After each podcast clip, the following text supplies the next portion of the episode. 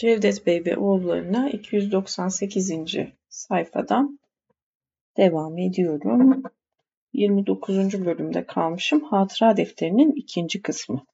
Evet. Rifik'in hatıra defteri. 14 Mart Pazartesi 1938. Dün akşam gene Her Rudolf'a gittik. Geç saatlere kadar oturduk, içki içtik. Fırtına da vardı. Gece orada kaldık. Ömer'le Rudolf satranç oynadılar. Her zamanki gibi birbirlerini iğnediler. Sonra konuştular, konuştuk. Rudolf gene ezberden Hölderl'i okudu. Doğu'nun ruhuna, Ömer'in yaptıklarına ilişkin düşüncelerini açıkladı. Benim hakkımda da fikir yürüttü. Bana akılcılıktan ayrılmamamı öğütledi. Bu akılcılık dediği nedir? Düşüncelerimi, duygularım ve coşkularımdan ayırmak mı? Galiba biraz da Rousseau'ya duyduğum hayranlığı iğneliyor. Ama onun aydınlık dediği şeyi çok iyi anlıyor. Yaşadığım toprakla uyuşmamamı açıklayışını doğru buluyorum. Bu Almanla konuşmak zevkli. Fırtına dünden beri sürüyor. Aynı şeyleri düşünüyorum. Eve ne zaman, nasıl döneceğim? 19 Mart Fırtına dün dindi. Okuyorum. Evden ayrılalı bir aydan çok oldu ama hala dönmedim. Bir mektup yazmam ya da kararımı verip dönmem gerekir. Düşünüyorum. Neden buradayım? Bir aylık bir yer değiştirmenin, evden uzaklaşmanın iyi geleceğini düşünmüştüm. İstanbul'da eski hayatımı sürdüremiyordum. Bunlar böyle biliyorum ama ne bekliyordum bilmiyorum. Yola çıkarken şimdi anlıyorum bir ay içinde her şeyin çözüleceğine, eski huzuruma kavuşacağıma inanıyordum. Şimdi böyle bir şeyin kolay olamayacağını anlıyorum. Gene huzursuz, rahatsız, sıkıntılı olacağım. Buraya gelmemin o zaman iki yararı var. Bir, evden uzaklaşıp her şeye uzaktan biraz bakabilme, başka bir dünyada olduğunu görme. İki, şu okuduğum kitaplara kendimi verecek enerji ve rahatlığı bulma. 22 Mart Salı Eve bir ay sonra döneceğimi bildiren bir mektup yazdım. Burada bazı tasarılar üzerinde çalıştığımı, bütün günümü okumak ve düşünmekle geçirdiğimi, eve hemen dönersem başladığım şeyi bitirememekten korktuğumu anlattım. Perihan'a da bir mektup yazacağım. Bir aydır ona yazmamamın saçma olduğunu düşündüm. Ettiğimiz kavgada kabahat benimdi. Zaten kavga bir bahaneydi. Dün Ömer'le bunları konuştuk ve düşüncelerimin doğru olduğunu hemen Perihan'a yazmam gerektiğini söyledi. Ömer'le başka şeyler de konuştuk. Bana niyetimin ne olduğunu sordu. Anlattım. Şu okuduklarımdan işe yarar bir şey çıkana kadar çalışacağım. Köy kalkınması için ne yapmalı? Wow, yeni bir soru geldi. Yeni bir soru doğdu uzaklaşınca. Köy kalkınması için ne yapmalı? 26 Mart. Perihan'a da mektup yazdım, rahatladım. Ona bütün kavgalarda suçun bende olduğunu, son bir yıl içinde hırçın, kavgacı, sinirli bir insan olduğumu, ondan çok kendimi düşündüğümü anladığımı yazdım. Bana burada çalışabilmek için biraz vakit bırakmasını, beni anlayışla karşılamasını da rica ettim. Şimdi bunları kaç zamandır duymadığım bir iç huzuruyla yazıyorum. Gönlüm rahat, düşüncelerim açık ya da öyle sanıyorum. Geleceğimi kestirebiliyorum. Daha doğrusu geleceğimin kendi ellerimde olduğunu anlıyorum. Başıma iyi ya da kötü şeyler gelmesi, mutlu ya da mutsuz olmam, huzur ya da sıkıntı, bütün bunlar görüyorum ki bana bağlı, yapacaklarıma bağlı. Hayatımı belirleyecek benden başka bir güç yok. Çok zeki bir insan olmadığımı da biliyorum artık. 2 Nisan Cumartesi İlk geldiğim gündeki gibi güneşli bir gün. Ömer'in de fazla yapacak bir şey yoktu. Hacı bizi biraz gezdirdi. Erzincan yönüne doğru 4-5 kilometre Alp istasyonuna kadar yürüdük. İstasyondan biraz ötede hacının eskiden kahyalığını yaptığı bir çiftlik var. Hacının karısı, güzel kızı ve büyük oğlu burada kalıyorlar. Eskiden çiftlik ve topraklar Abdülhamit'in Kemaha sürgün edip kaymakamlık verdiği birininmiş. O ölünce mirasçılar bölüşmüş. Bir kısmı satılmış. Bir kısmına da hacı kahyalık edermiş ama sonra ayrılmış. Çok ince, zevkli ahşap işlemeleri olan eski köşk çürüyor. En alt katta hacı ile ailesi oturuyor. Dönüşte de bir hayvana rastladık. Kalın, kocaman bir kuyruğu vardı. Tilkiymiş. Hacı tüfeğiyle nişan alana kadar kaçtı. Bu hacı da tuhaf bir adam. Daha anlayamadım. Yakında köprülerde açık havada çalışmaya başlanacak galiba. İlk hazırlıklar başlamış. Ömer'le az önce konuştuk. İhaleyi vaktinde yetiştirememekten korktuğunu söyledi ama çok vakit var. Üzerimde tatlı bir yorgunluk var. Esneyip duruyorum. Yatacağım. 8 Nisan Cuma Rudolf'a gittik. Gevezelik ettik. Ben de satranç oynadım. Rudolf'a yenildim. Çok sevindim. Sonra gene aynı şeyler konuşuldu. Rudolf benim ve Ömer'in geleceğini çok merak ettiğini söylüyor. Ben aptal mıyım? Ben aptal mıyım? Peki. 12 Nisan. Okuduklarımdan aldığım notlardan bir şeyler çıkarır gibi oluyorum. Türkiye'de köy meselesinin çözümü için ne yapmalı? Köyleri orta çağın karanlığından kurtarmak, şehirlerle ve inkılaplarla ilişkiye sokmak için düşünüyorum ki şimdiye kadar yapılanlardan başka şeyler yapmak gerekiyor. Devletçilik çerçevesi içinde ele alınacak şeyler var ama inkılap ve teşkilat her şeyi çözmeye yeterli değil. Devlet ve ferdin liberalizmi de Kendine özgü değişik devlet ve fert kitap bu arada okuduğu başka bir kitap. Devlet ve fertin liberalizmi de. Kendine özgü değişik karışık şeyler düşünüyor, yazıyor. Sonra bunları geliştiriyorum. Bir şeyler bulduğumu sanınca çok seviniyorum. Masadan heyecanla ayağa kalkıp odanın içinde aşağı yukarı yürümeye başlıyorum. Sonra aklıma başka şeyler geliyor. Aklım daha da karışıyor. Derken gözümün önünde görüntüler canlanıyor. Mesela demin olduğu gibi Perihan'la evlenişimiz ya da bir gün bir yerde gördüğüm olmadık bir insan. Köy meselesiyle ilgili düşüncelerimi sonuna kadar götürmek ve sonra bir gün bunu yazıp birisine vermek istiyorum. İsmet Paşa niye olmasın? Heybeliada'da onu görebilirim ya da başka biri. Süleyman Ayçelik. Böyle düşünmeme rağmen kendimi hayalperest bulmuyorum. Belki sabah uyanınca biraz canım sıkılıyor ama o kadar. 16 Nisan. Perihan'dan mektup geldi. İki sayfalık kısacık bir şey. Bütün gün kim bilir kaç kere okudum. Sen istediğin zaman dönebilirsin. Bu senin bileceğin iş ama ben en kısa zamanda dönmeni ve beni burada çocukla birlikte yalnız bırakmamanı istiyorum ünlem diyor. Evden ayrılmayı, annesinin yanına gitmeyi hiç düşünmemiş, kavgada haklı olduğunu biliyormuş. Benim haksız olduğumu anlamam da iyi bir şeymiş. Kısa mektupta biraz da çocuktan söz ediyor. Kimseyi suçlamamış.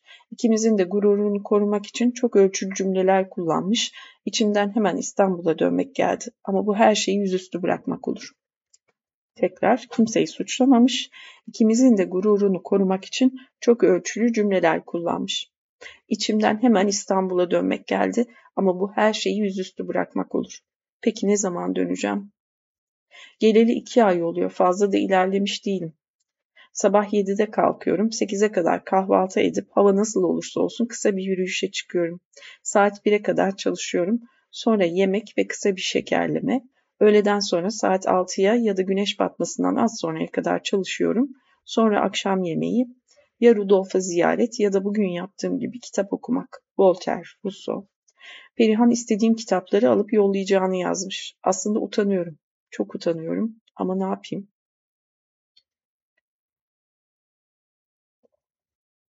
...26 Nisan, Bahar. Ünlem. Köprülerde açık havada çalışmaya başlandı. Barakanın öteki odaları da yeni gelen mühendislerle dolu. Artık odayı eski rahatlıkla kullanamıyoruz. Üç kişi geldi, tanıştık. Bu insanlar işleriyle ilgim olmadığını öğrenince şaşırıyorlar. Ne yaptığımı öğrenmek istiyorlar. Açıklamak sıkıcı. Rahatsız oluyorum. Şu Enver'le Salih de galiba alaycı açıklamalarda bulunuyorlar. 27 Nisan şu meşhur Kerim Naci Bey'i de tanıdım. Atı ile geziyordu. Söylendiği kadar var. Neredeyse atına binmiş Napolyon. Herkes ağzı açık, hayran, el pençe divan durup bakıyor. O da ordusunu teftiş eden kumandan gibi başını sallıyor. Ömer'in kendi başına buyrukluğuna ve girişimciliğine takıldı ama bunu subayına iltifat eden bir paşa gibi yaptı. Benim ne olduğumu anlamadı. Devlet denetmenleri de atlarıyla arkadan geliyor. Bir ata bindim, düşerim sandım. Düşmedim. At yürüyor, her şeyi kendi yapıyor. Sen üstünde duruyor, gidiyorsun. Tasarılarım hızla ilerliyor. Bunun sevinci içindeyim. 29. bölümün sonu ve hatıra defterinin de sonu. 30. bölümün başlığı iki müzik sever. Cezmi caddenin ortasındaki ağaca orada dikkat edilmesi gereken bir şey varmış gibi bakarak yaz tatilinde ne yapacaksınız dedi. Taksim'den Harbiye'ye doğru yürüyorlardı. Geniş caddenin ortasındaki ağaçlar açmıştı. Mayıs'ın başıydı. Monsieur Balatz'ın müzik dersinden çıktıktan sonra birlikte tünelden Harbiye'ye doğru yürüyorlardı. Cezmi Nişantaşı'na kadar gelmek istiyordu ama Ayşe izin vermiyor. Aralarında uygarlığa, kadın erkek ilişkilerine ilişkin tartışmalar da bu yüzden çıkıyormuş gibi oluyordu. Bu sene Nigyan Hanım Ayşe'yi müzik dersinden almaya, Bey, almaya Beyoğlu'na gelmiyordu. Cezmi Ayşe'nin arkadaşı Taksim'den çıktılar. Müzik dersinden Monsieur Balats'ın Taksim'den Harbiye'ye doğru yürüyorlar. Mayıs'ın başı. Peki, tekrar. Bu sene Nigan Hanım Ayşe'yi müzik dersinden almaya Beyoğlu'na gelmiyordu. Ayşe bu kararı aldırtana kadar evin içinde uzun ve sessiz bir savaş olmuş. Sonunda Nigan Hanım kızın hiçbir zaman istediği kız olamayacağını, kendisinin de bu çileli hayattan usandığını gösteren bir dudak büküşü ve bıkkınlık hareketiyle konuyu kapatmıştı. Cezmi yeniden bu sefer elindeki keman kutusunu sallayarak yaz tatilinde ne yapacaksınız diye sordu. Yaz tatilinde geçen sene Cevdet Bey'in ölümü yüzünden gidemedikleri Heybeliada'ya gideceklerdi. Ama annesiyle abisi bu sene liseyi bitiren Ayşe'nin Fransızcasını sağlamlaştırmak için İsviçre'deki teyzesinin yanına gitmesini istiyorlardı. İsviçre'ye giderse buradaki müzik dersleri tünelden Harbiye'ye yürüyüş bu çocuk yakınında olmayacaktı. Ayşe İsviçre'ye gitmek istemiyorum diye düşündü. Sonra çocuğun gene keman kutusunu sinirli sinirli salladığını fark ederek bilmiyorum sen ne yapmayı düşünüyorsun dedi ve utandı. Çünkü Cezmi bir kere aralarındaki derin ayrılıkları vurgulamak için kendisini ve kendi çevresindeki insanların böyle soruları yalnızca yalın ne yapacaksın biçimiyle sorduklarını çok şey seçmek ve yapmak için zamanı olan Ayşe ve onun çevresindeki insanların ise hep bu yapmayı düşünüyorsun biçimini kullandıklarını söylemişti. Trabzon'a annemin babamın yanına gideceğim herhalde dedi Cezmi. Kışları İstanbul'da hukuk okuyordu. Ne güzel dedi Ayşe. Heyecanlı gözükmeye çalıştı. Orada sevdiğin romanları okur denize girersin. Ha orada kimse denize girmez. Denize yalnız burada, adalarda ve Suadiye'de girilir. Bir de Avrupa'da tabii. Cezmi sinirlendiği zamanlarda uygarlık taraftarı olması gerektiğini unutuyor, yoksul bir ailenin çocuğu olduğunu hatırlıyordu. Babası Trabzon'da müzik öğretmeniydi. Ayşe gene utandı. Bir dakika içinde iki kere diye düşündü. Sonra bir şey hatırlayarak sevindi. İyi işte dedi. Sen de onlara şu uygarlık ilkelerini öğretirsin. Denize girmenin ayıp olmadığını öğretirsin. Öğreteceğim dedi Cezmi sert sert. Sustular. Ağır ağır Harbiye'ye doğru yürüyorlardı. Eğik gelen Mayıs güneşi yalnızca yolun ortasındaki ağaçların tepesine vuruyor, bir de uzaktaki bazı apartmanların sırtını aydınlatıyordu. Yol, ağaçlar, duvarlar gölgedeydi. Arada bir Şişli tarafından esen hafif bir bahar rüzgarı gölgeye ıhlamur ve hanımeli kokusu taşıyordu. Birden Cezmi endişeyle sordu. Bana kızmadın ya. Ayşe evet o öfkelenmez diye düşündü. Gözünün ucuyla yanındaki ince zayıf ve güzel gövdeye baktı. Heyecanlandı. Cadde ıhlamur kokuyordu. İçinden sevgi geldiğini anladı ama kendini tuttu. İçinden sevgi geldiğini anladı ama kendini tuttu. Bugünkü ders hoştu değil mi? dedi aceleyle. Monsieur Balatz da iyi çaldı. Her zamanki gibi bu derste de Macar hoca önce teker teker öğrencileriyle uğraşmış, sonra bir süre plak dinlenmiş, sonra da öğrencilerin isteği üzerine kemanıyla küçük bir şeyler çalmıştı. Cezmi burnunun ucuna doğru kayan gözlüğünü iterek her zamanki gibi bir dersti işte dedi. Balats'ın kemanını beğenmiyor musun? Çok fazla değil. Ben çok beğeniyorum. Piyanoya kemanla eşlik ettiği zaman hele bayılıyorum. Aslında büyük bir müzis müzisyen olabilirdi. Ben de o kadar eşlik edebilirim size dedi Cezmi. Çok sinirli ve duygulu olduğu zamanlarda Ayşe ile konuşurken senden size geçiyordu. Kreutzer sonatı birlikte çalabilirdik. Aynı adlı hikayeyi okudunuz mu? Ayşe belli belirsiz bir korkuya ve öfkeye kapıldığını anlayarak okumadım dedi. Böyle durumlarda Cezmi hiç roman okumadığını Ayşe'ye hatırlatırdı ama bir şey söylemedi. Bir süre konuşmadan yürüdüler. Peki Hatay davamız hakkında ne düşünüyorsunuz? dedi Cezmi. Hiç. Bir düşüncen olmadı ama. Ayşe bir şey söylemedi. Yanlarından bir otobüs tozu dumana katarak geçti. Ayşe otobüsün penceresinden onlara dikkatle bakan başörtülü bir kadın gördü. Kadının ne gördüğünü, ne düşündüğünü merak etti. Çirkin genç kızla elinde tuhaf bir kutu taşıyan yakışıklı bir çocuk diye düşündü. Tatsız düşünce canını sıktı. Çirkin genç kızla elinde tuhaf bir kutu taşıyan yakışıklı bir çocuk diye düşündü. Tatsız düşünce canını sıktı. Yazın ne yapacağını söylemedin hala. Ayşe birden abim ve annem İsviçre'ye gitmemi istiyorlar dedi. Sen istiyor musun? Bilmiyorum. Cezmi her zamanki alışkanlığıyla sormaya başladı. Abisi ne düşünüyor? Annesinin niyetini, onu niye yollamak istiyorlar? Evin içinde bu konuda ne konuşuluyor? Evin içinde başka ne konuşuluyor? Refik abiden haber var mı? Ayşe kısa ve isteksiz cevaplar veriyordu. Bu çocukta hoş karşılayamadığı tek kötü huy, Işıkçı ailesinin içinde neler olup bittiğini öğrenmek için gösterdiği meraktı. Her şeyi ayrıntılarıyla biraz nefret, biraz da aşırı merakın gölgelendirdiği hırslı bir suratla dinliyor. Birkaç kere sanki özlediği uzak bir cennet düşüyormuş gibi iç çekiyor. Sonra kendi eleştiri ve düşüncelerini sıralamaya başlıyordu. Bu düşünce ve eleştirileri her zaman iki açıdan yapıyordu. Ya ailenin içinde olup bitenlerin uygar ülkelerdeki ailelere ve uygar insanların davranışlarına benzemeyen yanlarını göz önüne çıkartıyor ya da aile hayatının ve zenginliğin Türkiye'deki çoğunluğun hayatıyla hiç ilgisi olmadığını anlatıyordu. Sonra gene her zamanki gibi Ayşe rahmetli babasının, abilerinin hatta annesinin bile aslında iyi insanlar olduğunu anlatmaya başlıyordu. Saldırı ve savunma. Şahane. Harbiye kışlasına yaklaşıyorlardı.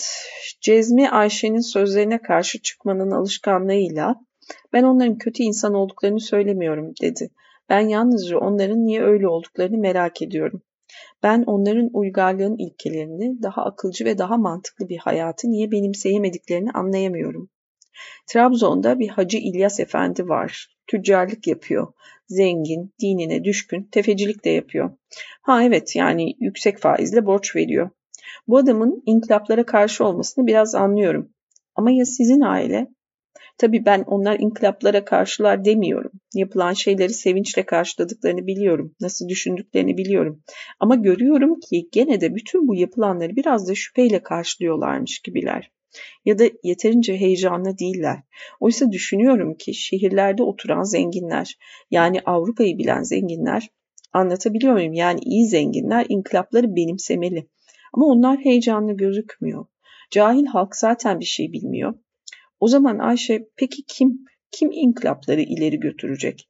Hep biz memurlar mı? Hep Trabzon'da herkesin heyecanıyla alay ettiği benim zavallı babam mı? Öğrenci yurdunda müzikten hoşlandığı, elinde bu gülünç kutuyla dolaştığı için alay edilen ben mi? Üstelik artık memurlar da bu kaba saba zenginlere özeniyor. Onlar gibi olmak istiyorlar. Peki sen ne düşünüyorsun? Hakarete bak bu arada. Kaba saba zenginlere özeniyorlar. Hep aşağılama, suçlama, hep bir utanç hissettirme. Heyecandan kızaran terli terli yüzünü Ayşe'ye çevirdi. Sen de Trabzonlulara denize girmeyi öğretmemi söyleyerek benimle alay ediyorsun. Oralarda denize girilmediğini söylediğim zaman zenginlerden hoşlanmadığımı sanıyorsun. Ben zenginlerden hoşlanmıyor değilim. Ben zenginlerin kaba, kültürsüz, cahil olmalarına, memleketi, inkılapları böyle şeyleri düşünmemelerine karşıyım. Ayşe, demek ailemin kaba, kültürsüz ve cahil olduğunu düşünüyorsun dedi ama dediğine inanmıyordu. Hayır, yanlış anlama. Ulan niye yanlış anlasın? Söylüyorsun dümdüz. Hayır, yanlış anlama. Senin ailenden söz etmiyorum. Ben ben sizinkiler niye öyle davranıyorlar diyorum. Hem seni Avrupa'ya yollamak istiyorlar hem de mesela siz sen evet Nişantaşı'na kadar birlikte gelmemi istemiyorsun benim. Önüne düşen başını birden yukarı kaldırdı. Çevresine bir şeyler bekleyerek baktı. Harbiye kışlasının önüne gelmişlerdi. Aşağılık kompleksi çocuktaki. Sinirlendim tabii böyle aşağılık kompleksi Harbiye kışlasının önüne gelmişlerdi. Yol burada ikiye ayrılıyordu. Ayşe endişeyle bir kere daha çocuğa baktı. Yüzündeki telaş ve hüznü gördü. Nişantaşı'na gelmesine karşı çıkamayacağını anladı. Birlikte sanki her zamanki ayrılış yeri burası değilmiş gibi yürümeye başladılar. Bak bak tak diye bak kurban rolüne girdi. Saldırdı. Öfkelendi. Ağladı. Bir sürü bir şey yaşadı orada. te teatral e, hikayeye bak. Birlikte sanki her zamanki ayrılış yeri burası değilmiş gibi yürümeye başladılar. Kışlanın ahırından ve yolun ortasındaki teneke helalardan çevreye yayılan sidik ve gübre kokusu ıhlamur kokusuna karışıyordu. Birden çok teşekkür ederim dedi Cezmi. Sonra galiba bunun yanlış bir söz olduğunu anladı. Bana kızmadın ya diye mırıldandı ama yüzünde zaferin izi okunuyordu. Evet zorlayarak aldın zaferi tabii ittire kaktıra. Ayşe gene içinden sevgi geçtiğini anladı ama bu sefer dikkatle karşılık verdi. Sana niçin kızmamı bekliyorsun? Bütün bu aptal sözlerim için, ailen hakkında söylediklerim için, ailenin davranışları ne olursa olsun ailene saygı duyduğumu söylemek isterim. Belki çok zengin oldukları için, sen de onlardan olduğun için seni iğneliyorum. Ama sanma ki diyordu Cezmi. Çünkü benim inandığım şeyler var, değer verdiğim şeyler var. Ama sen beni dinlemiyorsun. İyi en azından bir şeylerin farkında, kendinin farkında bir çocukcağız. Hemen hop dönü, dönüverdi. Bu da bu da büyük bir hareket. Büyük bir bilinç aslında. Devam. Dinliyorum dedi Ayşe. Gözleriyle caddeyi taramaya başladı. Köşede gazete satan bir tütüncü vardı. Önünde bir araba duruyordu. Ben yazın Trabzon'a gitmeyeceğim diye kekeledi Cezmi. Ben o anlayışsız cahil insanların arasında bunalıyorum. Bir otelde iş buldum. Ben yazın Ayşe dinliyor musun? Seni sıkıyor muyum? Ben bu yaz senin abim o diye düşündü Ayşe. Bizim araba. Vişne çürüğü rengindeki yeni araba. Demin nasıl fark etmedim? Bir felakete tanık olup da korkudan, heyecandan donup öyle hiç kıpırdamadan bakanlar gibi arabaya, bir arabadan çıkan o adama abine bakıyordu. Abim oradaki diye mırıldandı. Hangisi? Elinde gazete olan mı? Aralarında yirmi adım ya var ya yoktu. Ayşe bu kadar korkacağını, şaşıracağını sanmıyordu. Bu tarafa saptıklarında korktuğu şeyin saçma, Cezmi'nin haklı olduğuna inanmaya çalışıyordu. Eli gazeteli olan mı dedi gene Cezmi. Sonra Ayşe'nin yüzünden olduğunu anladı. Hakkında o kadar hikaye dinlediği, aile hayatının ayrıntılarıyla öğrendiği bu adamı merakla incelemeye koyuldu. Ayşe bu meraka öfkelenerek hadi git sen, git sen, git, git dedi. Niye? Ben kimseden korkmam, gitmiyorum. Onun gibi bir insan kız erkek ilişkilerini artık 3 nokta. Osman da görmüştü onları. Tam arabaya girerken başını kaldırıp şöyle bir çevresine bakmış ve görmüştü. Arabaya binmeye karar veremiyormuş gibi öyle duruyordu. Sonra birkaç saniyede yolun öteki tarafına geçti. Onlara doğru yürümeye başladı. Ayşe korkuyla belki de daha çok merakla vali konağının karşısındaki abine bakarak bekliyordu. Osman geldi. Ayşe'ye birkaç adım kala bir kere Cezmi'ye baktı. Ayşe'ye eve mi gidiyordun dedi. Kız kardeşinin cevabını beklemeden hadi arabaya bin de seni götüreyim diye homurdandı. Ayşe'nin şaşkınlaşan yüzünü görmemiş gibi yaptı. Sonra küçümseyici bir bakışla Cezmi'yi bir daha süzdü. Bu delikanlı da seninle beraber mi? Cezmi yarı öfkeli, yarı saygılı ama kesin ve kararlı bir tavırla evet efendim dedi. Kendine çok güveniyormuş gibi ileri doğru bir adım attı ama Osman elini uzatmamıştı. Delikanlı bu yaptığınız üç nokta dedi Osman. Sonra gözü Cezmi'nin elindeki keman kutusuna takıldı. Can sıkıcı bir şey görmüş gibi yüzünü ekşitti. Her neyse. Siz de müzikle mi? Soru işareti. Adım Cezmi efendim. Hukukta. Kız kardeşimi buraya kadar getirmişsiniz ama zahmet etmeyin bir daha dedi Osman. Bütün bu yüz kızartıcı sözlerin durumu suçu suymuş gibi gene yüzünü ekşiterek keman kutusuna baktı. Artık ben götürürüm onu.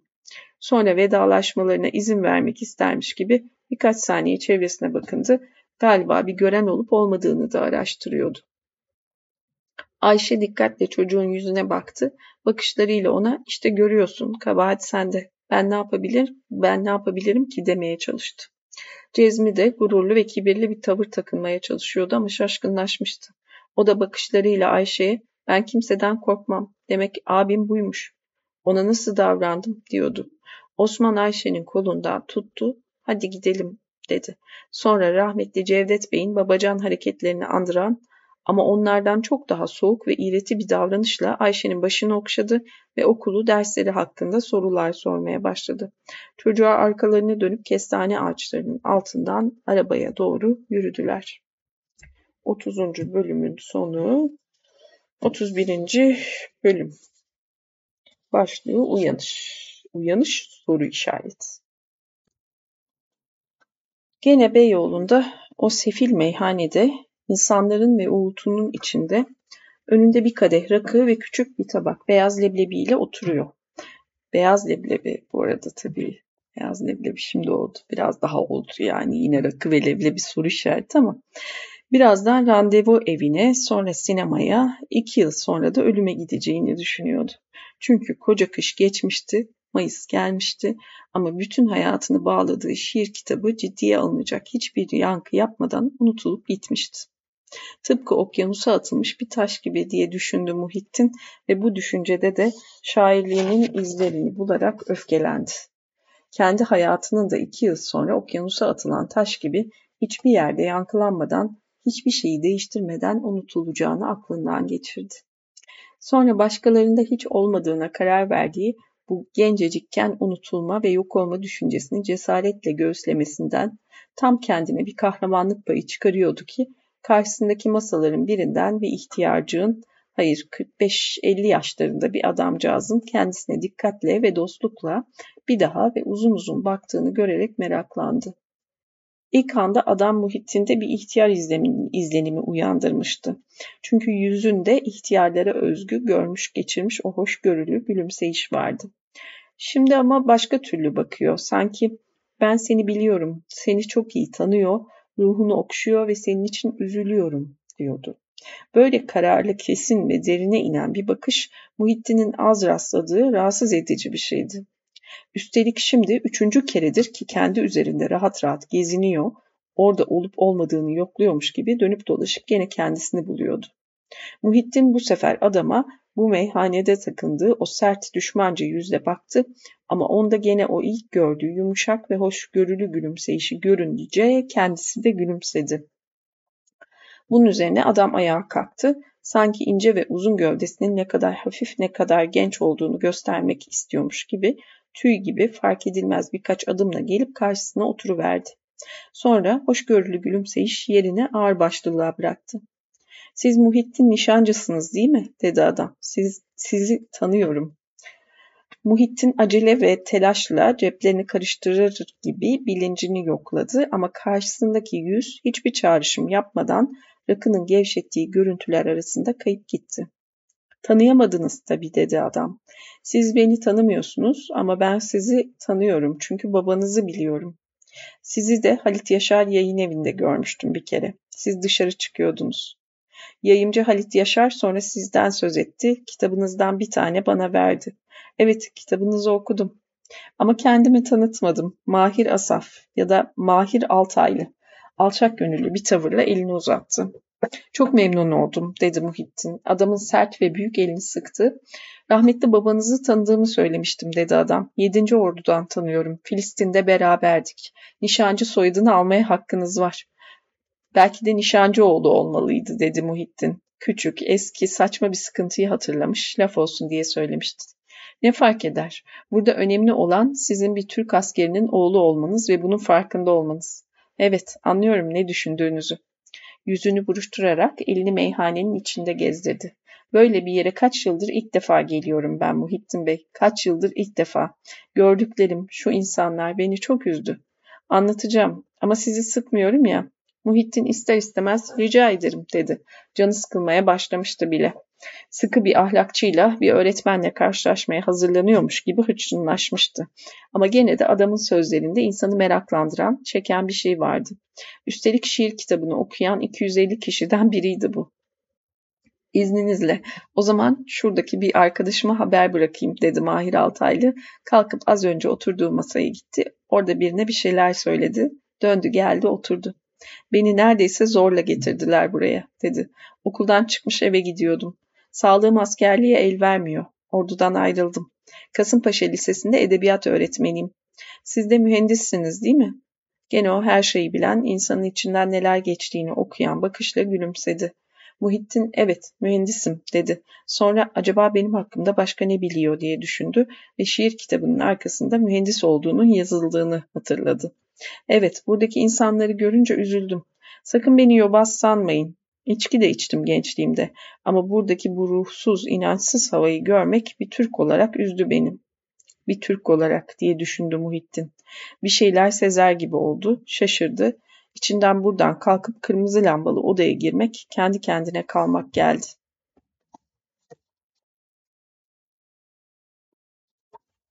Sonra sizi gördüm burada. Tanıdım. İşte dedim kendi kendime. Çelik gibi, cıva gibi bir delikanlı ama mutsuz. Gülün canım istiyorsanız gülün. Kendinizi tutmayın. Mutsuzsunuz ama değil mi? Muhittin adamın kendinden emin haline sinirlendiği için hayır diyecekti. Demedi, sustu. Evet, biliyordum, mutsuzsunuz diyerek gülümsedi Mahir Altaylı. Sonra bu sözlerin üzerine gülümsemenin yanlışlığını fark etmiş gibi ağırbaşlı, hüzünlü bir surat takındı. Ağlamaklı bir sesle peki neden gencecik bir insan, neden böyle olsun diye inledi. Ama pek de gülünç bir hali yoktu. Muhittin birden endişelendi. Burada ahlakçı öğretmen sesiyle bu adamın konuşmasına izin verirse kendisine olan güveninden çok şey kaybedeceğini düşündü. Birisiyle buluşacağını ya da başka bir yalanı söyleyip bu meyhaneden çıkmak istedi ama nedenini iyi kavrayamadı bir uyuşukluk ve merak onu hareketten alıkoydu. Şiirlerinizi okudum. Şiirlerinizi okuyup orada kitapçıda gördüğüm yüzünüzü hatırlayınca mutsuz biri olduğunuzu anladım. Yetenekli ve mutsuz bir şair. İyi şiir yazmak için ilk bakışta her şey var gibi galiba sizde. Ama bir şey eksik. O da bir ülkü. Hayatınızda bir ülkü yok. Muhittin ülkü diye düşündü. Bu kelimenin kendisine ne hatırlattığını araştırdı. Ziya Gökalp, bazı eski Türkçü şiirler, ortaokula giden halasının oğlunun okuma kitapları, iki yüzlülüklerini gizleyemeyecek kadar aptal bazı yazarların gazetelerdeki makaleleri, gülünç şeyler. Siz hiç bir Türk olduğunuzu düşündünüz mü dedi Mahir Altaylı. Muhittin gülümsedi. Sonra birden ilk defa adama saygısızlık ettiğini düşündü.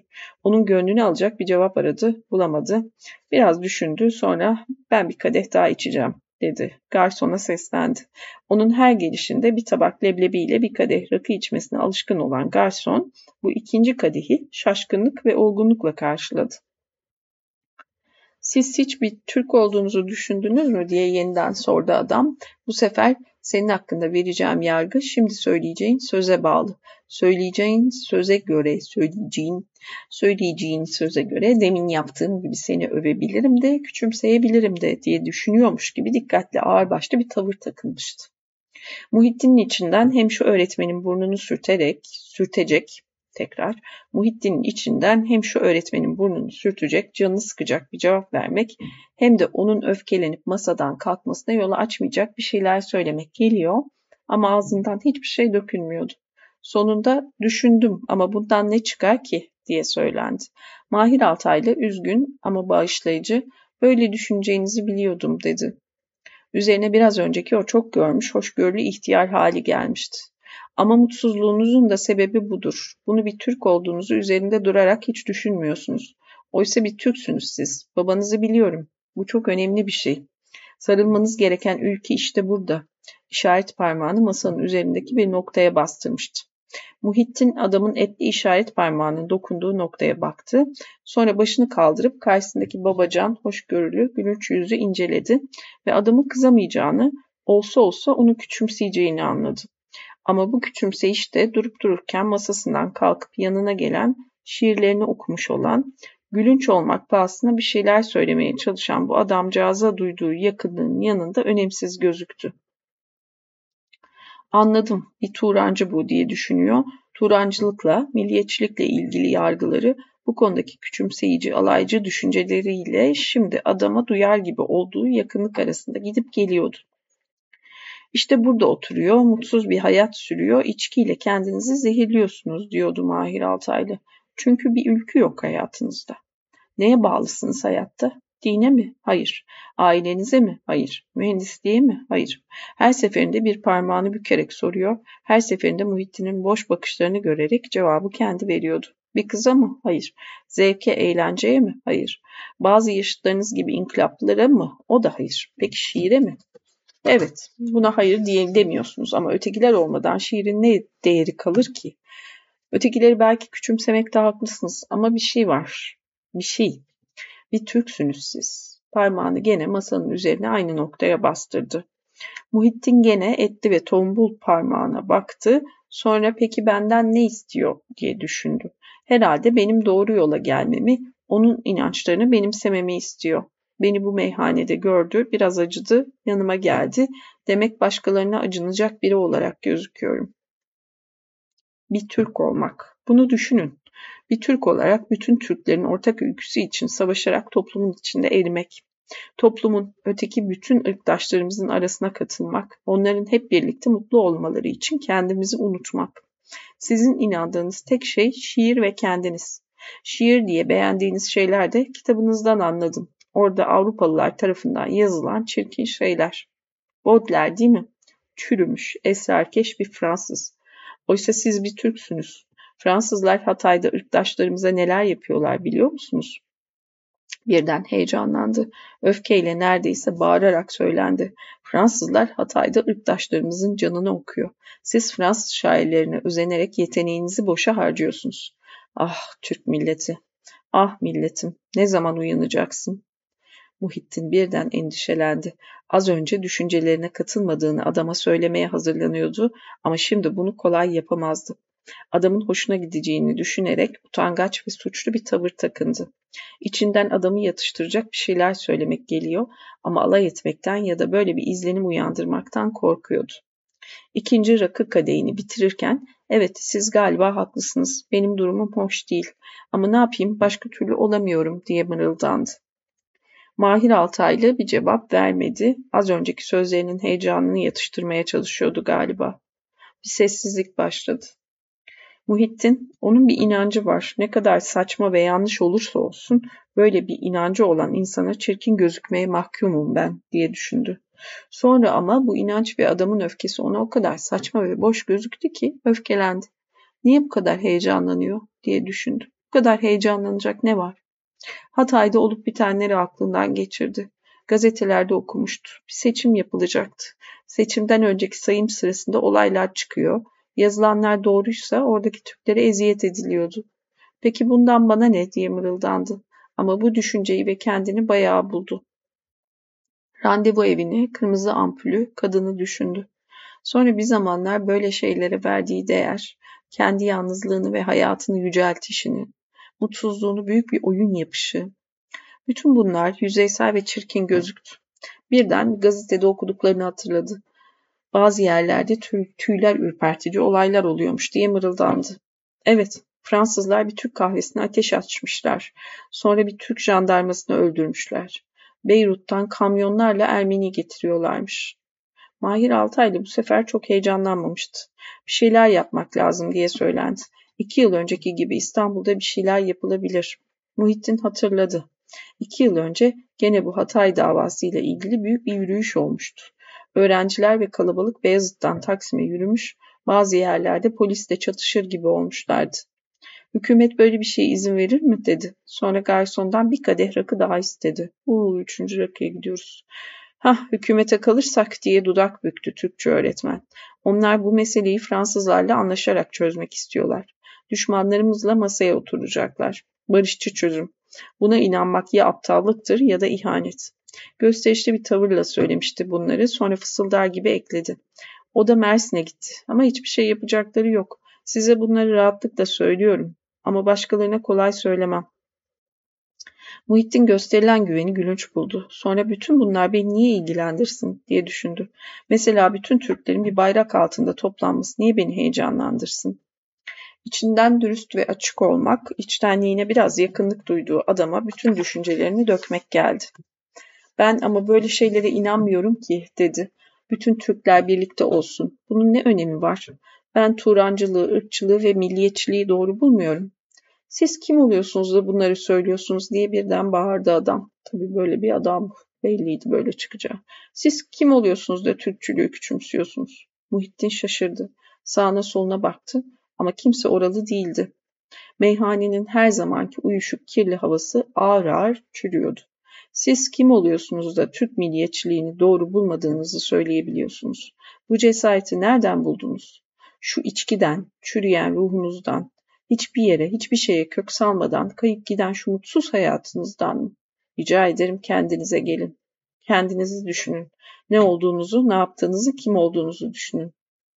Siz siz kendinizden de başkalarından da her şeyden nefret ediyorsunuz. Bu topluma yabancısınız. Yalnız yabancı olsanız bu toplumun düşmanısınız. Şiirlerinizdeki, şu halinizdeki, sözlerinizdeki kendini beğenmişlikten utanın. Kendinizi bu kadar beğenmek için ne yaptınız? Hiç. Oysa yeteneklisiniz, zevklisiniz. Bunları biliyorum. Kalkıp bu masaya boş yere oturmadım. Yazık size oğlum, yazık size. Size, milletimize yazık değil mi? Rahmetli babanızı tanıyorum. Yazık değil mi? Anlıyor musunuz beni? Muhittin kendini bir vazo kırmış, bir sakarlık yapmış gibi suçlu hissederek adama bakıyor. Haklı, haklı. Kendimden başka hiçbir şey düşünmüyorum diye mırıldanıyordu. Ama aklının yetenekleri ve zekasına ilişkin şu küçük övgüye daha çok takıldığının da farkındaydı. Türkçe öğretmen sözlerini bitirip gene o şaşırtıcı gülümseyişle, hoşgörülü babacan gülümseyişle yüzünü aydınlatınca Muhittin içinden suçsuz, günahsız, temiz gözükme isteğinin geldiğini anladı. Bana bunları söylüyorsunuz. Sanmayın ki ben durumumdan memnunum. Ben bu halimi hiç beğenmiyorum. Ama bu kötü ve dediğiniz gibi utanılacak durumdan kurtulmak için inanacak, sarılacak hiçbir şey bulamıyorum. İşte Türkçülük, işte milletinize kendinizi adamanız, işte Türkçülük davası diye söylendi adam. Şu delikanlı nasıl oluyor da kendisine uzatılan kurtuluş meyvesini dalından kopartmıyor? Nasıl oluyor da böyle konuşuyor diye düşünüyormuş gibi şaşkınlıkla başını sağa sola sallıyor, parmağını aynı noktaya bastırıyordu. Ben kötü biri değilim ki diye düşünüyordu. Muhittin kötü bir insan olsam kendimi öldürmeye karar vermezdim. Yalnızca zekama değer veriyorum ve belki bu yüzden kötü gözüküyorum. Her şeyi düşündüğüm için böyleyim. Düşündüğüm için de şu Türkçülüğe belki inanamayacağım.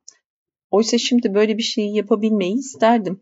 Şu adama iyi bir şair olmazsam 30 yaşında kendimi öldürmeye karar verdiğimi söyleyeyim mi? Anlıyorum sizi dedi Mahir Altaylı. Bakışları da gene ben senin ruhunu okuyor ve anlıyorum diyordu. Sizi anlıyorum. Siz inanmadan önce düşünmek, anlamak istiyorsunuz. Bunu yaptığınız için de inanamıyorsunuz. Ama böyle mutsuzluktan kurtulamazsınız ki. Önce kendinizi duygularınıza bırakın. Önce inanın, heyecanlanın. Sonra aklınızı kullanırsınız. Böyle durup derinlemesine düşünmek, bu insanı işte mutsuz yapar. Türkiye'de burada böyle düşünmek insanı toplumun dışına iter. Bunu benim kadar bilirsiniz. Burada düşünen yalnız kalır. Burada duygulanmadan düşünmek sapıklıktır. Hem her şeyi aklımızla nasıl kavrarız, hem her şeyi aklımızla nasıl kavrarız. Yaratılıştan bize yalnız akıl verilmemiş, duygularımız da var. Türk bayrağını görünce, Hatay'da olup bitenleri öğrenince heyecanlanıyor musunuz? Biraz olsun heyecan yeter. Heyecanlanın, inanın, toplumun içine katılın, kendi aklınızı silin. İşte o zaman mutlu olacaksınız. Çok iyi, çok iyi. Çok iyi. Biliyorum dedi Muhittin umutsuz bir tavırla. Kendisine kurtuluş yolunu gösteren şu adam bunun için gereken heyecanı da içinde uyandırsın istiyordu. Biliyorsanız ne duruyorsunuz dedi Mahir Altaylı. Her şeyi akılla kavramamak gerektiğini de anlıyorsanız sizi tutan hiçbir şey yok demektir. Biraz yüreğinizin sesine kulak verin. Yüreğiniz ne diyor? Hiç şüphem yok şimdiye kadarki hayatın için suçlusun diyordur. Beni dinlemediğin için mutsuzsun. Ben öteki Türkler için savaşmak istiyorum diyordur. İşte o sesi dinleyin. Yüreğiniz size düşmanlarınızın da kim olduğunu söylüyordur. Düşmanlarınız bütün öteki milletler. Yahudiler, şimdi Fransızlar, Araplar, yarın başkaları, masonlar, komünistler, devletin içine sızan bütün yabancı unsurlar, rahmetli babanızın savaştığı bütün o yabancılardır. Türkçe öğretmen düşmanların değil dostların adını sayıyormuş gibi hoşgörüyle gülümsüyordu. Muhittin peki ben bunu yapabilir miyim? Bir Türkçe olabilir miyim diye düşünüyor. Mahir Altayları'nın sözlerini aklından geçiriyordu.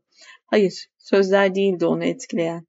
Daha çok adamın tavırlarına, kendine olan güvenine, bazen sertleşen, öfkelenen, bazen de yumuşayan ve gülümseyen yüzüne tutuluyor. Bütün bu şeylerde kendisinde olmayan, başkalarında da pek rastlamadığı ve ilk bakışta anlaşılamayan bir düzen buluyor. Buna şaşırıyordu. Bütün bu düzenin zembereği besbelli Türkçülük inancıydı. Mahir Altay'da tıpkı dakik bir saat gibi öfke gereken yerde öfke, Hoşgörü gereken yerde hoşgörü gösteriyor ama buna rağmen bir saat gibi mekanik ve ruhsuz da gözükmüyor. Meyhanedeki yaratıkların hepsinden daha çok insana benziyordu.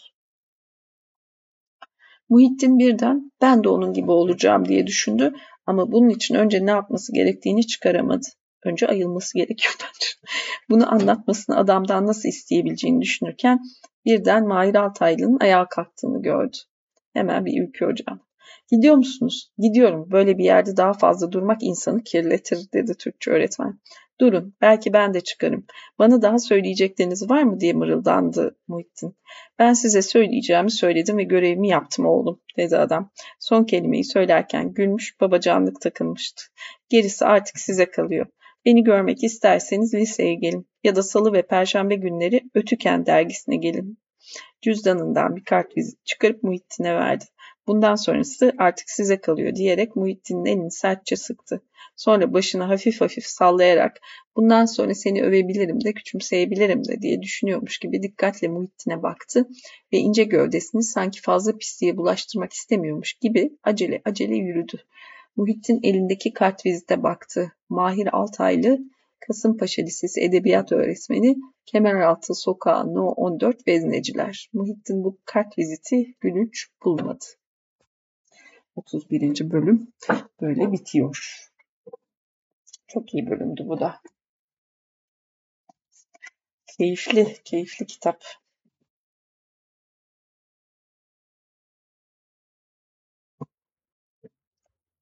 32. bölümün başlığı Bir tüccarın dertleri.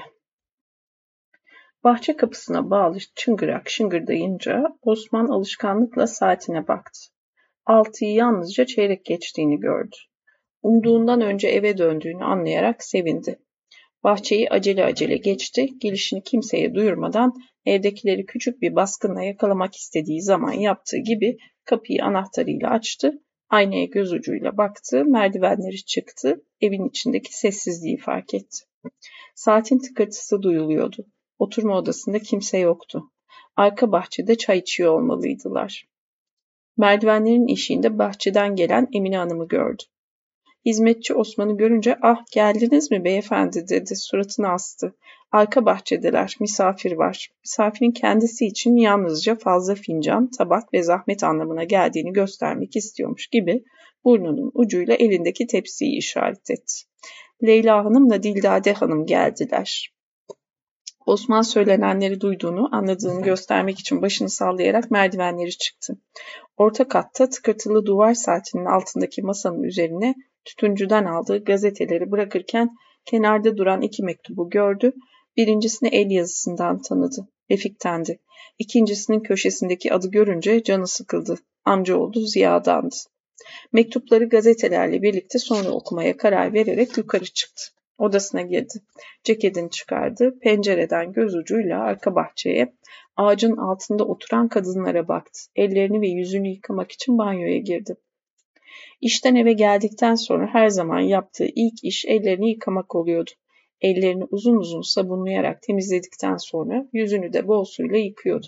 Bunları yaptıktan ve banyodan çıktıktan sonra günün geri kalan kısmını neşeyle karşılamak için yeterli gücü ve ruh sağlığını kendisinde kolaycacık buluyordu.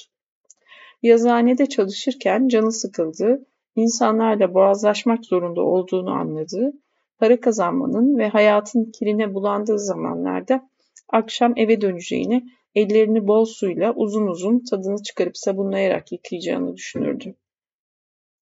Günün iş saatleriyle aile içinde geçirilen dinlenme saatlerini birbirinden ayıran temizlik sırasında o gün yaptığı işleri gözden geçirirdi. Musluğu çevirdi, su akmaya başladı. Bugün yazıhanede iki şeyle uğraşmıştı. Birincisi fazla önemli değildi bir Alman boya şirketine kataloglarda gösterilen fiyatlarda kendi yararına yapılabilecek indirimler hakkında bir mektup yazmış, Türkiye'deki pazar genişliğine ilişkin bilgi vermişti. İkinci iş çok önemliydi. Almanya'dan gelen bir inşaat malzemesi şirketinin temsilcisiyle görüşmüştü. Türkiye'ye musluk, boru ve banyo malzemesi satan Alman şirketi temsilcisi aynı alanda Türkiye'de kendisinden daha güçlü olan bir İngiliz şirketinden daha ucuz fiyatlarda mal satmaya hazır olduklarını, her türlü ödeme kolaylığını da sağlayacaklarını söylüyordu. Bu şirketle Türkiye temsilciliği için anlaşabilirse son yıllarda özellikle rahmetli Cevdet Bey'in son yıllarında büyümesi yavaşlayan şirketi büyük karlarla genişletebileceğini ve hayalindeki güçlü şirketi kurabileceğini düşünüyordu.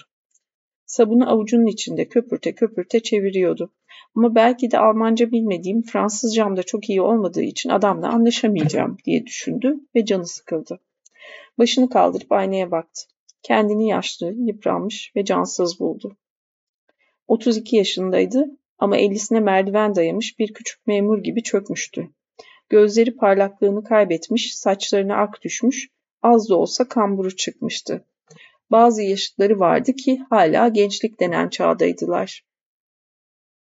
Elini suyun altına bir daha sokarken çünkü ben çok çalışıyorum diye düşündü. Çünkü babam sağken çok çalıştım. O öldükten sonra daha da çok çalışmaya başladım. Ailenin bütün yükü benim omuzlarımda. Bu arada ilk defa herhalde kitabın başından beri ilk defa Osman gözüyle olaylara bakıyoruz. Osman'ı tanıtıyor ilk defa gibi görünüyor. Evet şey gibi hissettim böyle bir sinema hakikaten çok sinematografik hop. Osman'a döndük. Osman'ın gözüyle kamera yürüyor. Kamera Osman'ın gözü oldu hatta. Devam. Refik gittikten sonra işler daha da çoğalmış, sıkıntıları daha da artmıştı. Şirketten Cevdet Bey'in son yıllarında kaybettiği zamanı kazanmak istiyor. Hayatının tek amacının babasının kurduğu bu ticarethaneyi genişletmek, büyütmek olduğunu hissediyordu. Elini ikinci defa sabunlamaya karar vererek suyun altından çekti. Bugün yaptığı bir başka şeyi, şirketten mal alan bir Kayserili tüccarla yediği öğle yemeğini hatırlayarak neşelendi. Tüccar yılda bir iki kere geldiği İstanbul'un bir cennet, bir eğlence merkezi olduğunu, yaptığı çapkınlıkları da ekleyerek anlatmıştı. Elini yıkadıktan sonra yüzüne bol bol su vurdu. Acaba Refik ne yazdı diye düşündü, neşesi kaçtı. Tam da işlerin sıkıştığı zamanda çekip gitti diye öfkeyle mırıldandı. Sonra kardeşinin ne zaman döneceğini endişeyle düşünmeye koyuldu. Birden Alman'ı yemeğe çağırayım diye mırıldandı. Yüzünü sabunluyordu. Alman'ın ve evdekilerin bu çağrıyı nasıl karşılayacaklarını düşündü. Rahmetli Cevdet Bey eve yakın dostlarından başka hiçbir iş arkadaşını getirmemişti. Buna sıkıldı. Ama Alman'ın eve geleceğini, neşeleneceğini, kendisine yakınlık duyup bir anlaşmaya varacağını hayal edince sevindi.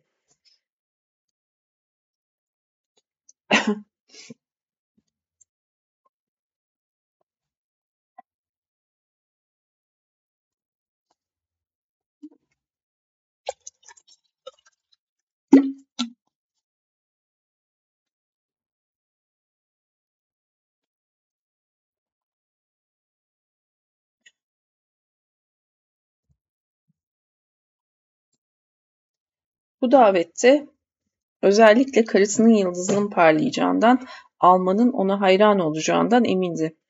Nermin'in salonlarda kalabalık içinde çok rahat hareket ettiğini, benzeri kadınların tersine herkesle, özellikle erkeklerle çok rahat konuşabildiğini gururla aklından geçirdi. Sonra Almanla konuşurken yaptığı Fransızca hatalarını hatırlayarak kızardı. Liseyi Galatasaray'da okumuştu ama Fransızcası kötüydü. Suratına son yorum yapmayacağım. Kıs kıs bildim tabii. Suratına son bir kere su vururken ki mö ki te je mö'ler aklıma geldi ya. Uf. Suratına son bir kere su vururken çünkü ticaretten okumaya vaktim olmadı benim diye düşündü. Liseyi bitirdikten hemen sonra babasının yanına gelmişti. Çekirdekten yetişme tüccarım. Bu çekirdekten yetişme sözü gene Kayserili tüccarı aklına getirdi. Çekirdekten çapkın olduğunu söyleyen tüccar üstü kapalı bir dille ona birlikte zamparalık yapmalarını önermiş. Osman da tabii onu soğuk bir tavırla geri çevirmişti. Suratını havluyla kurularken zamparalık diye mırıldandı. Bu gülünç bir kelimeymiş gibi gülümsedi. Kapıyı açıp dışarı çıktı. Keriman diye mırıldandı. Haftada bir kere gördüğü Medir... Ah Keriman'mış. Ay ben evde hizmetçi çağırıyor zannettim. Keriman diye mırıldanmış. İçin için inlemiş aslında orada. Haftada bir kere gördüğü metresini tam düşünmeye başlayacaktı ki kendini tuttu. Yıkanıp temizlenmişti. Ellerinde yüzünde tatlı bir serinlik hissetti. Odasına gidip Osman düzeni kurmuş yahu gerçekten. Odasına gidip balkona doğru yürüdü. Açık pencereden içeri hoş bir ıhlamur kokusu giriyordu. Kendini sağlıklı ve güçlü bularak neşeyle balkona çıkıp korkuluğa yaslandı. Aşağıdan bahçeden ağaçların altında oturan kadınların sesi geliyordu. Uzakta ağaçların, kiremitlerin üstünde kırlangıçlar uçuyordu. Bir selvi ağacına bir çaylak konmuştu. Mayıs'ın sonuydu. Osman günün bu en güzel zamanının tadını çıkaracağını hissediyordu. Gökte, ta uzakta bütün gün bahçeyi pişiren güneşin kızarttığı iki bulut vardı. Güneş birazdan Harbiye tarafındaki apartmanların arkasından kaybolacaktı ama misafirler hala kalkmamışlardı. Osman konuşmalarını duyuyordu onların. Yumuşak ve ince bir ses, ben bütün bu kış dört sobayı da yaktırdım diyordu. İnsan yaşlandıkça daha çok üşüyor. Bu Dildade Hanım'dı. Genç ve neşeli bir ses kaloriferli dairelerin rahatlığını anlatıyordu. Bu da Fuat Bey'in karısı Leyla Hanım'dı. Sonra Nigan Hanım apartman denen şeye hiç alışamam herhalde diyerek iç çekti. Sanki kendisini apartmanda oturmaya zorlayan biri varmış gibi sıkıntılı ve şikayetçi bir sesle söylemişti bunu. Söze Nermin karıştı. Yaz hazırlıklarından damı akan Heybeliada'daki evden söz etti. Osman onu ağaçların arasında görebilmek için yerini değiştirdi. Perihan'ı gördü. Perihan onda her zamanki gibi küçük bir çocuk izlenimi uyandırdı. Sohbete katılmıyor, elindeki fincana çocuk gibi bakarak oyalanıyordu. Osman çayını bahçede kadınlarla değil, çalışma odasında mektupları ve gazeteleri okurken içmeye karar verdi ama yerinden kıpırdamadı. Bahçeyi ve kadınları dinliyor, kendini sağlıklı buluyordu. Orada aşağıda beş ev kadını vardı. Onları düşündükçe Osman'ın aklına ruh sağlığı, dinlenme, neşe gibi şeyler geliyordu. Aşağıdaki kadınları, annesini, karısını, Perihan'ı, iki konuğu teker teker düşündü. Ayşe'yi sıkıntıyla, küçük kızını da neşeyle hatırladı. Birden gene Keriman diye mırıldandı. Ama bu sefer onu aklından uzaklaştıramadı. Refik gitmeden önce Kurban Bayramı'nın arifesinde Nermin onun farkına varmış, aralarında bir kavga çıkmış, sonra Osman yeminler ederek onu bir daha görmeyeceğini söylemiş, karısı da inanmıştı. Dildade Hanım'a bir şeyler anlatan Nermin'e bakarak düşünüyordu. Yeminle nasıl bu kadar kolay inanmıştı? Bu konuyu her hatırlayışında yaptığı gibi çünkü ona ilk defa yalan söylüyordum diye düşündü ve korkuluğun tahtaları üzerinde trampet çalmaya başladı. Peki inanmasaydı ne olacaktı? Ya da gene onunla buluştuğumu anlarsa? Anlayamaz. Çünkü bütün rahatlığına rağmen zayıf bir kadın o. Sonra biraz sıkıntı ve gururla hatırladı. Ama babam anlardı. Zaten onun sağlığında böyle bir şeye cesaret edemezdim.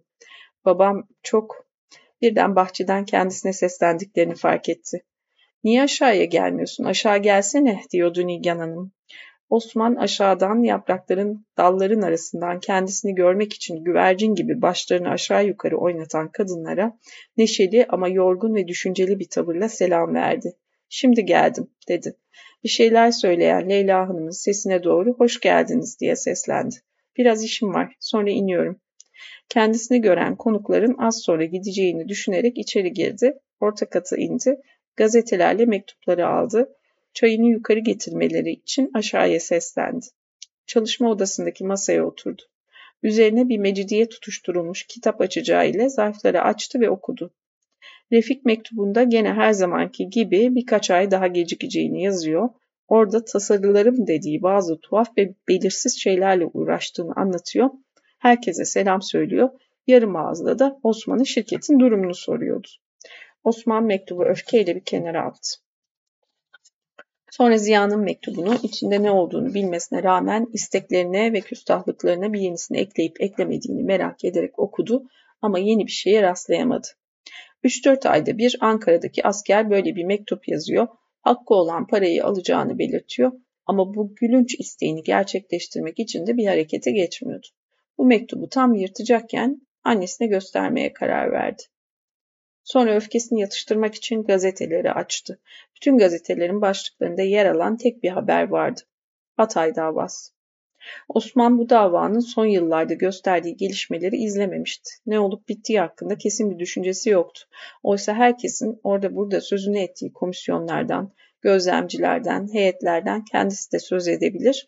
Bu konuda başkalarına dikkatle dinleteceği kendine özgü düşünceleri de olabilirdi. Birden bütün bunlar çok çalışmak yüzünden. Dünyada ne olduğunu izlemeye bile doğru dürüst vaktim yok diye düşündü ve gazeteleri dikkatle okumaya başladı. Haliciye vekilimizin nutku Doktor Aras dün Kamutay'da Hatay meselesini izah etti. Hatay'da zulmün itiraz götürmez vesikası. Bunları okurken birden her haberden sonra şöyle düşündüğünü anladı. Hatay'ın bizim olmasının benim ticaretime ne yararı olabilir? Hatay'a ne satabiliriz? Orası da sonunda bir pazardır ve bize katılması çok iyidir. Bu düşüncelerden utandı ve gazeteyi başka şey düşünmemeye çalışarak dikkatli okudu. Hatay'daki bir Türk'ün feryadı. Hakkımızı mutlak alırız. Tabii e, zorlanıyorum okurken Hatay'la ilgili depremden sonra yerle yeksan olduğunu düşününce bütün bu yıllar önceki mücadeleler garip bir yere oturuyor. Devam. Tam bu sırada kapı açıldı ve Emine Hanım geciktiği için özür dileyerek çayı getirdi. Onun arkasından içeri Lale girdi. Osman gazeteden başını kaldırıp 10 yaşındaki kızına baktı ve ona işten dönen ve kızını seven bir baba gibi sevgiyle gülümsedi. E bugün ne yaptın bakalım?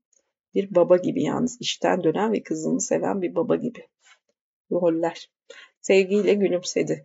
E bugün ne yaptın bakalım dedi ve yeniden gözünü gazeteye çevirdi. Lale hiç dedi. Osman kızını sevip okşamadığını hatırladı. İçinden onu yanına çağırmak, öpmek geldi. Emine Hanım, küçük hanım dersinden pek iyi almış dedi. Dışarı çıkmamış kapının eşiğinde baba kız arasındaki duygulu sahneyi seyretmek için elinde tepsi ve yüzünde başkalarının mutluluğuna tanık olmanın sevinciyle dikiliyordu. Osman kızına niye söylemiyorsun hangi dersten bakalım diye sordu. Resimden olduğunu öğrenince kaşlarını çatarak resim önemli ama matematik daha önemli dedi. Hesap her şeyin başıdır. Matematikten kaç aldın? Sonra gazeteye bakarken bugün aritmetik dersi olmadığını öğrendi. Kızına Cemil'in nerede olduğunu sordu, odasında olduğunu öğrendi. Misafirlerin gidip gitmediğini sordu ama bunun cevabını biliyordu çünkü pencerenin altından vedalaşma sesleri geliyordu. Gazeteye bakarken başka şeyler de sordu ve tek eceli cevaplar aldı. Birden şu Alman'ı mutlaka yemeğe çağırayım diye düşündü. Sonra kapıdan çıkan kızına Ayşe halısını sordu. Gene gazeteye bakarken Lale'nin yukarıda odasında ağlıyor dediğini duydu ve canı sıkıldı.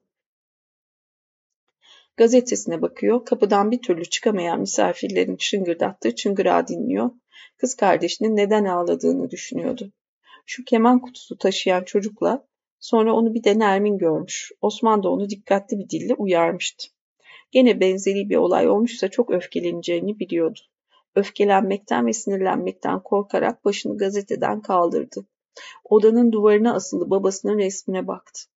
Tam bir yıl önce ölen Cevdet Bey bu yaşlılık resminden düşünceli ve neşeli bir suratla kendisine bakıyor. Sanki işte bir aile böyledir. Bir aileyi kurmak ve ayakta tutmak kolay mıdır sanıyorsun diyordu. Birden bir metresi olduğunu hatırlayarak babasının gözlerinden gözlerini kaçırdı. Ama sonra son yıllarda ne kadar çok çalıştığını, şirketi büyütmek ve hayalindeki fabrikayı kurmak için ne kadar uğraştığını aklından geçirerek kendini affetti. Bir türlü çıkıp gidemeyen misafirlerin en sonunda gittiklerini seslerden anlayınca gazeteleri yanına alıp aşağıya indi. Emine Hanım'a taze çay istediğini söyleyip mutfak kapısından arka bahçeye çıktı. Misafirleri uğurlayan kadınlar gene hasır sandalyelere oturmuşlardı. Osman onlara yaklaşırken her akşam takındığı sevgi, dostluk ve şefkat isteyen yorgun erkek tavrını takındı ve keyiflendi. Teker teker onlara bakarak hepsine ayrı ayrı selam vererek hasır koltuklara doğru yürüdü. Sonra birden annesini yakından gördü ve inşaat malzemesi şirketinin temsilcisi Alman'ı eve yemeğe çağıramayacağını kesinlikle anladı. Annesi koltukta her zamanki sıkıntılı şikayetçi haliyle oturuyordu. Osman onun yanında otururken ilk anda Alman'ı eve çağıramayacağını nasıl anladığını çıkaramadı ama sonra oğlu gelip yanına oturduğu için az da olsa bazı mutluluk belirtileri göstermeden edemeyen, gözlerini kırpıştıran Nigan Hanım'a dikkatle bakınca bazı şeyleri çıkarır gibi oldu. Annesinin hareketlerinde hem neşesinde hem de mutsuzluğunda böyle bir şey vardı ki Almanla onun karşılıklı aynı masada oturduğunu insan düşünemiyordu bile. Annesinin kültürlü, zengin bir çevrede yetişmiş bir paşa kızı olmasıyla gururlanan Osman'ı daha da çok şaşırttı bu. Nigan Hanım'ın az önceki mutlu yüzünün yerini hayattan usanmış bir insanın yüzü alınca annesinin sandalyesinde kıpırdanışını, çay fincanını tutuşunu daha önceden hiç etmediği bir dikkatle gözleyince kendisi için iyi yetişme, kültür, zenginlik demek olan şeylerin Alman için harem, doğu, Osmanlı kadını gibi eğlenceli şeyler olacağını anladı ve inşaat malzemesi şirketinin temsilciliğini o adamı eve yemeğe çağıramayacağı için kaçıracağına inanarak öfkelendi. Hizmetçinin getirdiği taze çayı içerken annesinden ve Nermin'den günün haberlerini dinledi. Bunlar her zamanki gibi küçük, önemsiz şeylerdi. Nigan Hanım bahçıvanı azarlamış, Fuat Beyler Nermin'le onu yemeğe çağırmışlar. Heybeli Adaya bir aktarıcı yollanmış. Yukarıda odasında uyuyan küçük meleğin ishali geçmiş. Bu sonuncusundan söz edilirken kısa bir sessizlik oldu ve Osman bir an herkesin Refik'i düşündüğünü anladı. Az sonra Nigan Hanım bu sessizliğin herkes için tek bir anlamı olduğunu düşünüyormuş gibi ne yazmış diye sordu. Sonra gözünün ucuyla Perihan'a baktı. Gene aynı şeyleri yazmış dedi Osman. Birkaç ay daha gecikeceğini, bazı yazılar üzerinde çalıştığını söylüyor.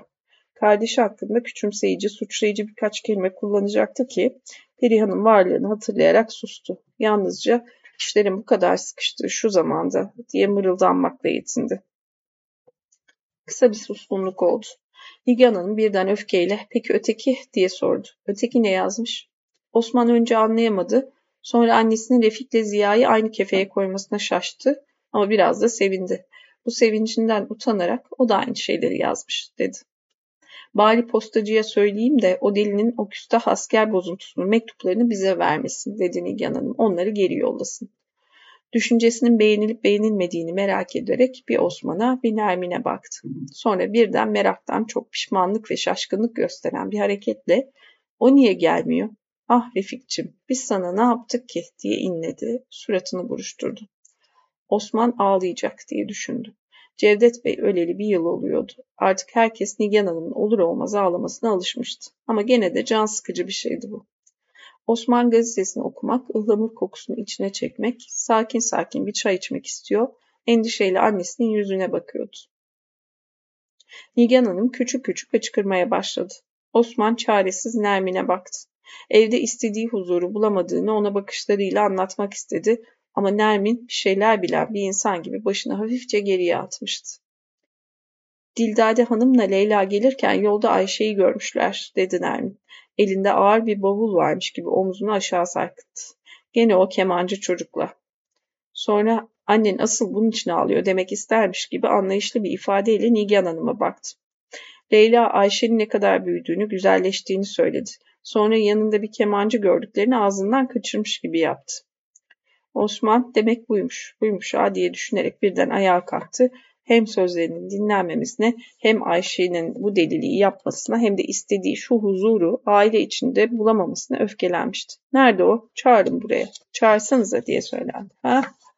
Refik'ten Ziya'dan alamıyor hıncını. Kimden alacak? Küçük kızdan alacak. Güçsüzü ısıracağız. Hadi bakalım. Nigan Hanım kimsenin bizi saydığı yok. Ah Cevdet Bey siz gittikten sonra diye mırıldanıyordu. Anne de ortalığı şey yapıyor, körüklüyor şu an. Şahane. Osman annesine bakarken bir daha ve kesinlikle Alman'ı eve çağıramayacağını anladı. Burada Ayşe'yi de sevmiyor ya anne. Daha az seviyor ya çocuklarına. Diğer çocuklarına nazaran. Çok acımasızca bir tavır değil mi bu? Yem olarak attı resmen Osman'ın önüne. Devam. Perihan ayağa kalktı. Ben bebeğe bakacaktım zaten dedi. Yukarı çıkıyorum. Ayşe'ye haber vereyim. Onun da ağlamaklı bir hali vardı. Kopacak fırtına sırasında burada bulunmak istemiyordu galiba. Of kadınlar oldum içim şişti bir anda gerçekten. Kötücül bir taraf var ya. Çok sinsi ve kötücül bir taraf bu. Erkeğin düzlüğü, kabalığı başka bir şey. Ama kadının bu böyle küçük küçük böyle alttan aman da işte Leyla'lar da Ayşe'yi görmüş yine o çocuktaymış falan gibi böyle o öfkeyi erkek öfkesini kullanan o sinsi tavır midem bulandırdı gerçekten. Devam. Osman bir fırtına koparacağını biliyordu. Leyla'nın söylediği şeyleri Nermin'e bir daha tekrarlattı. Nermin bir ara yukarı çıkan Nigan Hanım'ın Ayşe'ye bağırdığını söyledi. Osman demek onun için ağlıyormuş diye düşündü. Öfkeli öfkeli bahçe içinde yürümeye başladı. Annesinin bir daha aynı sözleri tekrarladığını duyunca annem üstelik onu galiba Leyla'nın şu tombul oğluna vermeyi tasarlıyordu diye düşündü. Bir kemancı çocukla, kimseden utanmadan. Üstelik ilk gördüğümde ta vali konağına kadar da gelmişlerdi. Kendini toparlamak için evde ilk sigarayı akşam yemeğinden sonra içme kuralını bozarak bir tiryaki sigarası yaktı. Sonra bütün öfkesini bir noktada toplaması, kopartacağı fırtınayı bereketli bir sonuca yöneltmesi için şimdi çabuk bir karara varması gerektiğini anladı ve birden onu mutlaka bu yaz Avrupa'ya yollamalı diye düşündü. Bu yaz onu mutlaka Taciser Hanım'ın yanına İsviçre'ye yollamalı. Taciser Hanım. Şahane isim. Leyla'nın o tombul oğlunun da orada olacağını aklından geçirdi. Ama ya razı olmazsa bunu düşünmek cinlerini başına çıkardı. Küçük, hızlı adımlar atarak bahçede dolaşıyordu. Şu evin içinde huzur istiyorum. Ama onu bunların yüzünden üç nokta Refi'yi hatırladı, daha da öfkelendi. Aklına Ziya'nın mektubu geldi. Razı olmazsa ben ona yapacağımı bilirim. Nedir bu evin hali? Şu çiçeklere bak, solmuş. Demin içine bahar kokusunu çekerken gördüğü yeşilliklerin yerinde sarı ölü, yoz, otlar gördü. Bir bahçıvanı idare edemiyorlar. Üç nokta. Cevdet Bey'in ölümünden az önce yetiştirmeye başladığı o tuhaf isimli tuhaf çiçeklere baktı. Nigan Hanım onları kendi eliyle suluyordu. Birden bir haksızlığa uğramış gibi oldu. Babası hiç olmazsa evin içinde istediği düzeni, rahatı buluyordu. Metresini aklına getirdi ve haksızlık duygusu dengelendi. İnsan başka yerde huzuru aramaz da ne yapar diye söylendi. Tabi orayı haklı çıkaracağız ya, Keriman'a kaçacağız ya bu bölümün sonunda da muhtemelen. Bakalım. Keriman'ın Nermin'in o büyük ve gururlu ağzına hiç benzemeyen küçük ve sevimli ağzı çenesi aklına geldi, neşelenir gibi oldu. Sonra Ayşe'yi gördü. Suratını asmış yürüyordu ama gözü yaşlı değildi galiba. Kız kardeşinin çirkin olduğunu aklından geçirerek ah aptal aptal kanı verdi hemen diye söylenip ona doğru yürüdü. Hasır koltuklara birkaç adım kala kız kardeşinin yüzüne dikkatle baktı ve umduğu gibi gözlerinde yaş ya da korku değil belli belirsiz bir meydan okuma gördü. Neredeydin dedi ve ilk sözünün böyle soğuk ve anlamsız olmasına şaştı. Odamdaydım dedi Ayşe. Yüzündeki meydan okuma kesinleşti. Kitap okuyordum. Ders kitabı mı? Hayır tabii. Değil mi? Oku. Ama yalnızca okumak marifet değil. Kendi sesini duydukça öfkeleniyordu. Kendi kendine gazı getirmek. Şey gibi bu e, Refik e, konuştu konuş. Ben gidiyorum işte sıkılıyorum hödü hödü hödü. Sonra Ömer. Ömer'e gideceğim. Kemal'e gideceğim. Bakalım burada, bu, buradan nereye varacak bu bilinçsiz, şuursuz başlayan konuşmayla. Ayşe bütün bu sözlerin nereye varacağını bilen, kendinden emin bir tavırla abisine bakıyor, susarak bekliyordu. Böyle bir güven ve meydan okuyuş alışıldık bir şey değildi onda. Sözü uzatmayacağım dedi Osman. Yüzünü ekşitti. Gene o kemancı çocukla görmüşler seni. Nermine ve Nigan Hanım'a bakıp ekledi. Dildade Hanım'la Leyla Hanım görmüş. Hasır koltuğa otururken söyleyecek bir şeyin var mı dedi. Resmen aile mahkemesi Engizisyon nerede? E, Engizisyon değil olur mu? Giyotin nerede? Öyle kendi kendine çok biliyormuş gibi değil mi? Giyotin nerede giyotin? Ayşe başını salladı. Sonra buraya yalnızca bu hareketi yapmaya gelmiş de gitmesi gerekiyormuş gibi sabırsızlanarak kıpırdandı. Nereye? Otursana şuraya. Otur ve beni dinle. Bu konuda seni iki kere uyarmıştım. Birincisinin bir rastlantı olduğunu düşünerek tatlılıkla, ikincisinde ciddiyetle uyarmıştım seni. Ama şimdi açıkça görüyorum ki sözlerim bir kulağından girip ötekinden çıkmış. Öteki kulaktan nasıl çıktığını göstermek için kendi kulağının memesini parmaklarının ucuyla tutmuştu. Bunu fark edince kendisini gülünç buldu. İçindeki haksızlık duygusu alevlendi ve öfkeyle söyledi. Sözü uzatmıyorum. Birincisi bu yaz İsviçre'ye Tacisel Hanım'ın yanına gideceksin. Onlara hemen bir mektup yazacağım. Yazı orada geçireceksin. İkincisi bundan sonra o adamdan piyano dersi almayacaksın. Sözlerin etkisini Ayşe'nin yüzünde izleyerek ekledi. Okuldan da seni almaya birisi gelecek bundan sonra. Nuri gelir. Sonra o hiçbir işe yaramayan bahçıvan gelir. Birisi gelir işte. Bir diyeceğim var mı? Of beninden aşağı kaynar sular döküldü. Yani Cezmi'nin dediğinin ne kadar doğru olduğu çok aşikar değil mi? Şeyden ne farkı var bu tavrın? Bir köyde, doğuda bir yerdeki bir köy yerde işte kız çocuğu okula gidiyor. Okuldan alıyor. Ne okuyacak kız çocuğu diyor. Yasaklıyor. Bir kabahat işliyor ya da işlemiyor. Namus diyorlar falan. İşte al namus. Gitmeyeceksin bir daha müzik dersine dedi. Aldı müzik şeyinden. Hiçbir farkı yok. Nişantaşı'nın göbeğindeyiz. Peki Fransızca öğreniyoruz. Almanlarla iş yapıyoruz. Revolüsyon, revolüsyon, revolüsyon efendim. Devam. Yüzündeki meydan okuyuş son bir kere daha parıldarken Ayşe mırıldandı. Bundan sonra piyano dersi almak istemiyorum. Sonra bu parıltının yeni yenilgi ve umutsuzluk aldı. Hayır, bundan sonra yalnız o adamdan piyano dersi almayacaksın demiştim diye tekrarladı Osman. Bu sene artık almazsın ama gelecek sene alacaksın. Gelecek sene. Beni dinliyor musun? Beni dinlerken lütfen gözümün içine bak. Evet, öyle. Bir de ayaklarını sallama rica ederim. Sinirime dokunuyor. Şunu unutma. Babamız öldü. Artık ben senin abinden çok baban sayılırım. Belli belirsiz bir zafer duygusuyla önce Nigan Hanım'a sonra Nermin'e baktı. Nigan Hanım da Nermin de işte sonu böyle olur diye düşünüyormuş gibi dikkatle Ayşe'ye bakıyor, başlarını aşağı yukarı sallıyorlardı. İşte sonu böyle olur. Memnunlar durumdan ve izliyorlar. Hoşnutlar. Birinin mutsuzluğundan nemalanıyorlar o sıkıcı sersem hayatlarında. Devam. Osman çayını içmeden, gazetesini okumadan önce söylenmesi gereken son şeyin ne olduğunu düşünerek bir daha da eli keman kutulu çocukla görülmeni istemediğimi söylememi bilmem gerek var mı dedi. Cevap bekleyen bir bakışla bilmem var mı diye tekrarladı. Sonra birden sordu. Ne yapıyor onun babası? Öğretmen diye mırıldandı Ayşe. Öğretmenmiş. Bir öğretmen çocuğu. Öfkeyle ayağa yuh küfreder gibi. Öğretmen çocuğu.